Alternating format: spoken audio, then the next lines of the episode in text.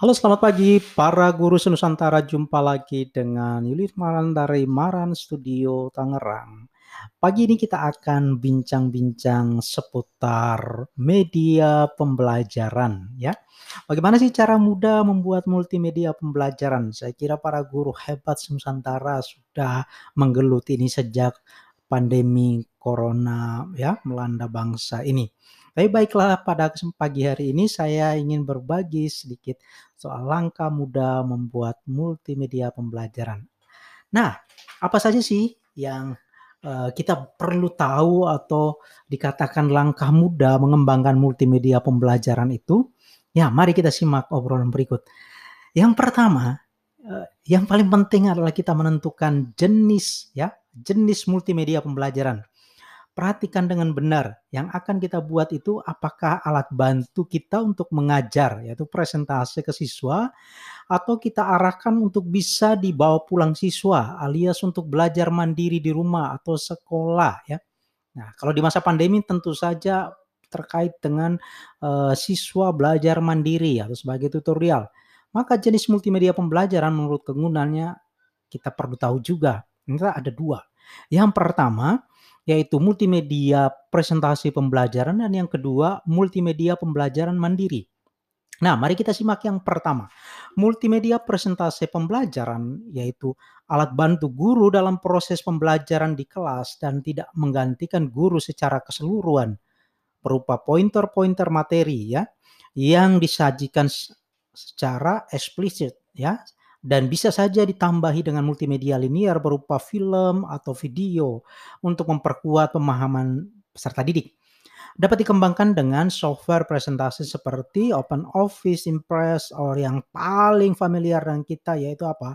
Microsoft PowerPoint atau disingkat dengan PPT atau kita bisa nemukan dengan begitu uh, banyak aplikasi yang lainnya sekarang kita juga bisa pakai video scribe atau kita bisa pakai juga Canva yang luar biasa progresnya sampai saat ini.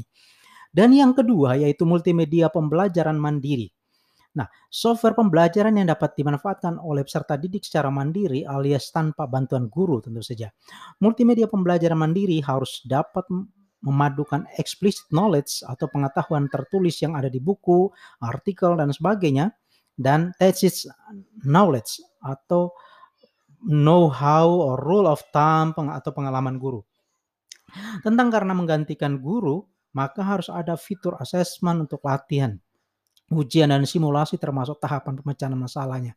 Untuk level yang kompleks dapat menggunakan software semacam Macromedia Outware atau Adobe Flash.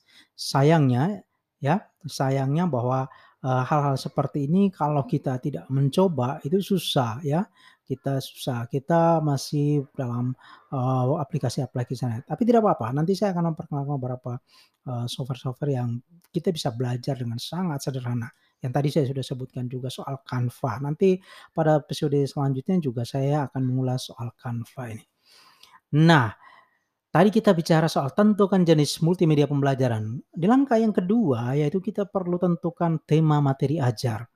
Nah, kita ambil tema belajar atau tema ajar yang menurut kita sangat membantu meningkatkan pemahaman peserta didik dan menarik bila kita gunakan multimedia.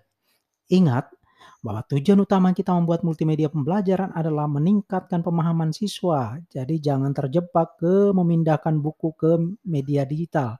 Nah, ini penting banget ya, Bapak Ibu guru hebat senusantara, kita bukan memindahkan eh, buku ke media digital, karena ini malah mempersulit siswa. Ketika guru biologi misalnya ingin menggambarkan sebuah jenis tumbuhan supaya bisa dipahami siswa atau peserta didik dan itu sulit ternyata dilakukan karena guru tidak bisa menggambar di komputer. Maka yang jangan dilakukan. Alangkah lebih baik apabila pohon tersebut dibawa saja langsung ke depan kelas atau kita mengambil pohon yang hidup dalam bentuk video Nah, ini salah satu contoh bagaimana media pembelajaran itu sebenarnya tidak harus dengan teknologi informasi dalam sertifikat ya. Uh, kemudian dalam sertifikasi guru pemanfaat media pembelajaran seperti pohon itu atau kecoak dikeringkan dan sebagainya tetap mendapat poin penilaian signifikan. Nah, yang langkah yang ketiga yaitu susun alur cerita atau storyboard. Storyboard itu adalah susun alur cerita yang memberi gambaran seperti apa materi ajar akan disampaikan.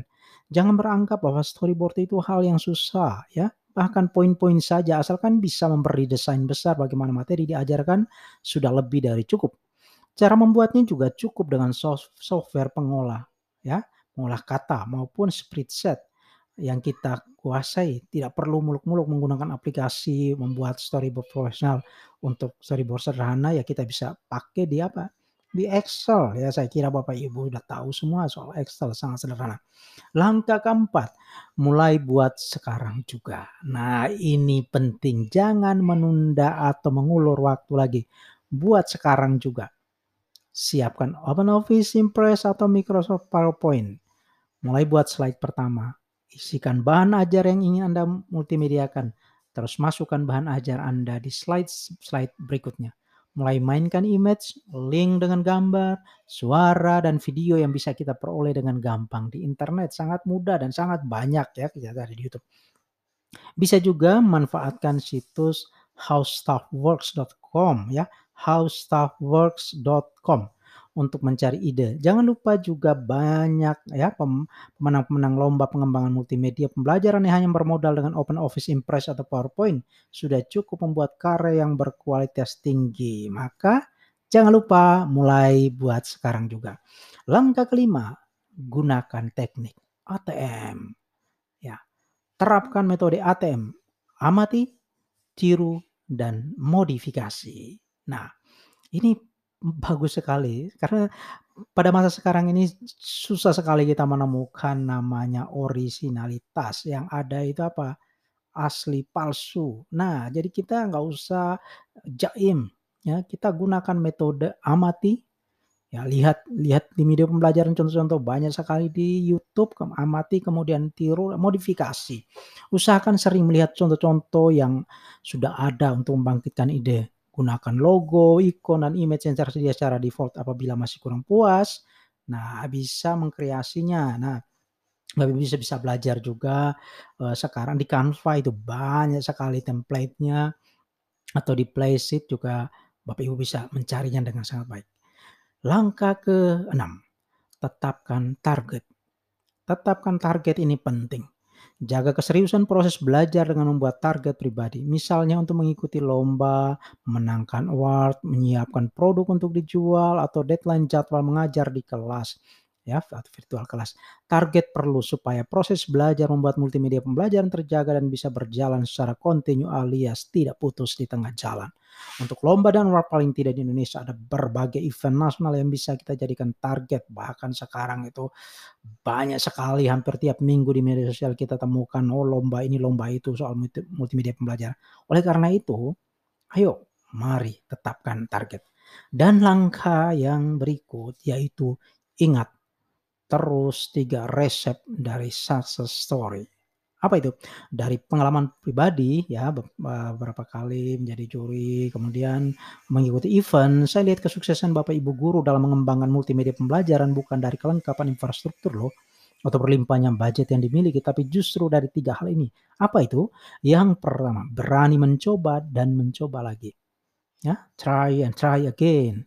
Belajar mandiri atau otodidak dari buku-buku yang ada perlu investasi membeli buku. Nah, ini nomor kedua juga sama. Saya uh, mengembangkan multimedia dari tahun 2000-an sampai saat ini lebih banyak belajar mandiri.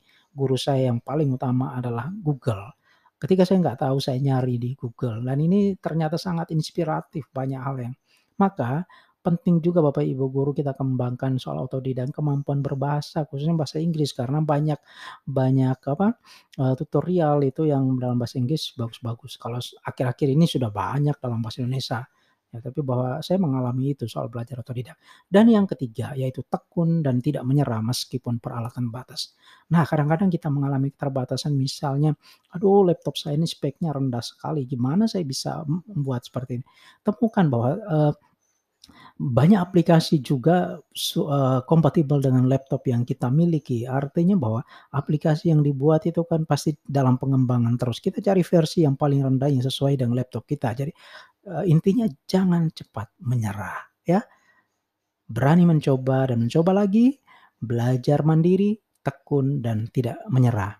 Semoga Bapak Ibu semakin dikuatkan Ayo belajar multimedia dari sekarang demi, eee, pengembangan pembelajaran yang menarik dan menyenangkan di kelas. Selamat pagi, sampai jumpa di episode selanjutnya dengan Julius Maran dari Maran Studio. Sampai jumpa.